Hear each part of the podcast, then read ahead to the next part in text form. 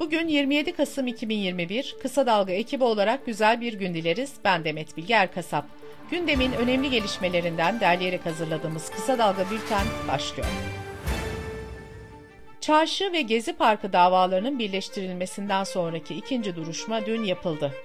8 Kasım'daki son duruşmadan bu yana dava dosyasına yeni bir bilirkişi raporu girdi. Raporda çarşı grubunun gezi eylemleri sırasında kullandığı meşale ve sis bombasının ateşli silah olarak değerlendirilemeyeceği tespiti yer aldı. Duruşma savcısı Osman Kavala'nın tutukluluğunun devamına karar verilmesini istedi. Mahkemede bu yönde karar vererek duruşmayı erteledi. Avrupa Konseyi Bakanlar Komitesi Eylül ayında yaptığı toplantıda Avrupa İnsan Hakları Mahkemesi'nin hak ihlali kararını atıfta bulunarak Kavala'nın 30 Kasım'a kadar serbest bırakılmasını talep etmiş, aksi takdirde Türkiye hakkında yaptırım süreci başlatılacağı uyarısında bulunmuştu.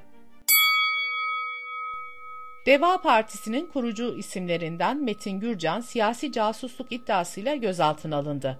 Deva Partisi Genel Başkan Yardımcısı Mustafa Yeneroğlu, Gürcan'ın Ankara Cumhuriyet Başsavcılığı'nın yürüttüğü casusluk suçlaması kapsamında gözaltına alındığını duyurdu. Yeneroğlu, soruşturma bağlamında başka isimlerin de alındığını belirtti.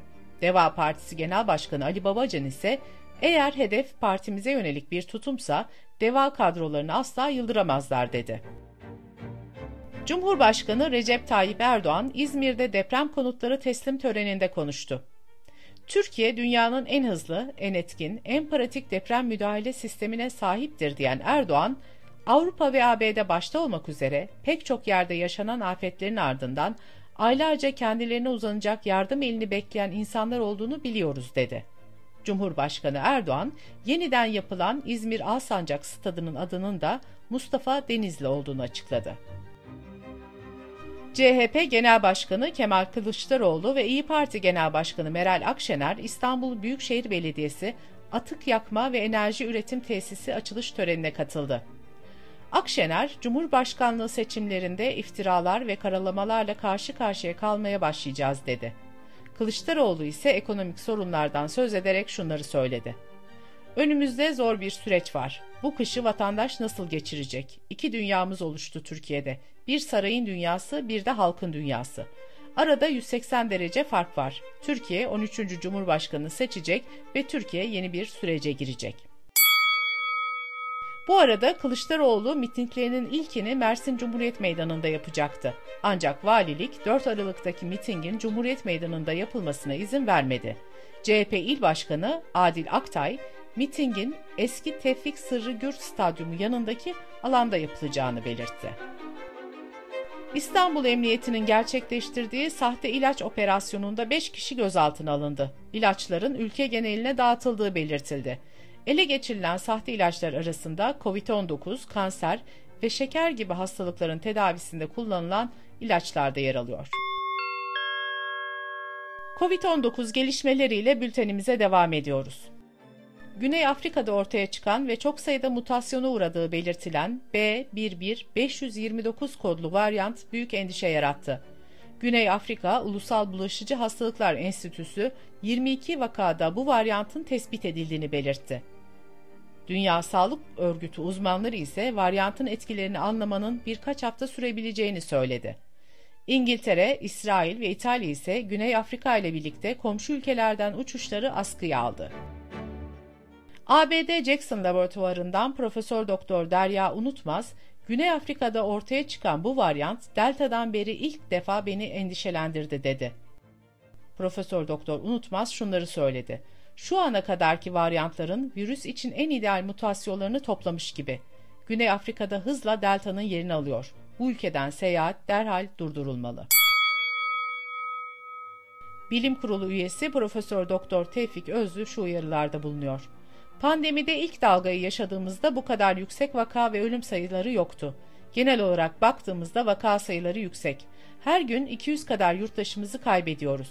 Bunu kanıksadık gibi salgın hiçbir şekilde azalmış, bitmiş ya da hızını kesmiş değil. Sırada ekonomi haberleri var.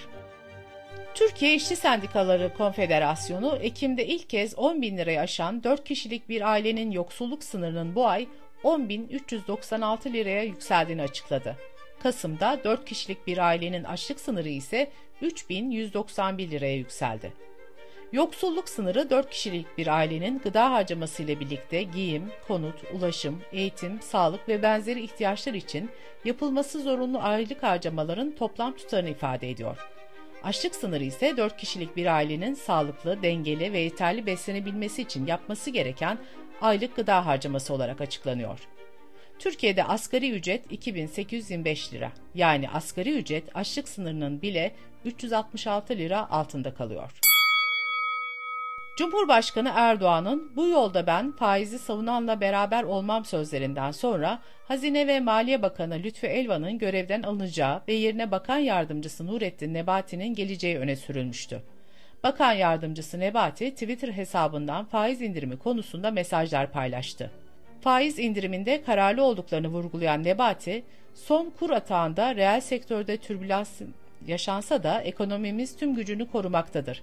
Ekonomimizin bu bağımsızlık mücadelesinden Allah'ın izniyle zaferle ayrılacağız ifadelerini kullandı.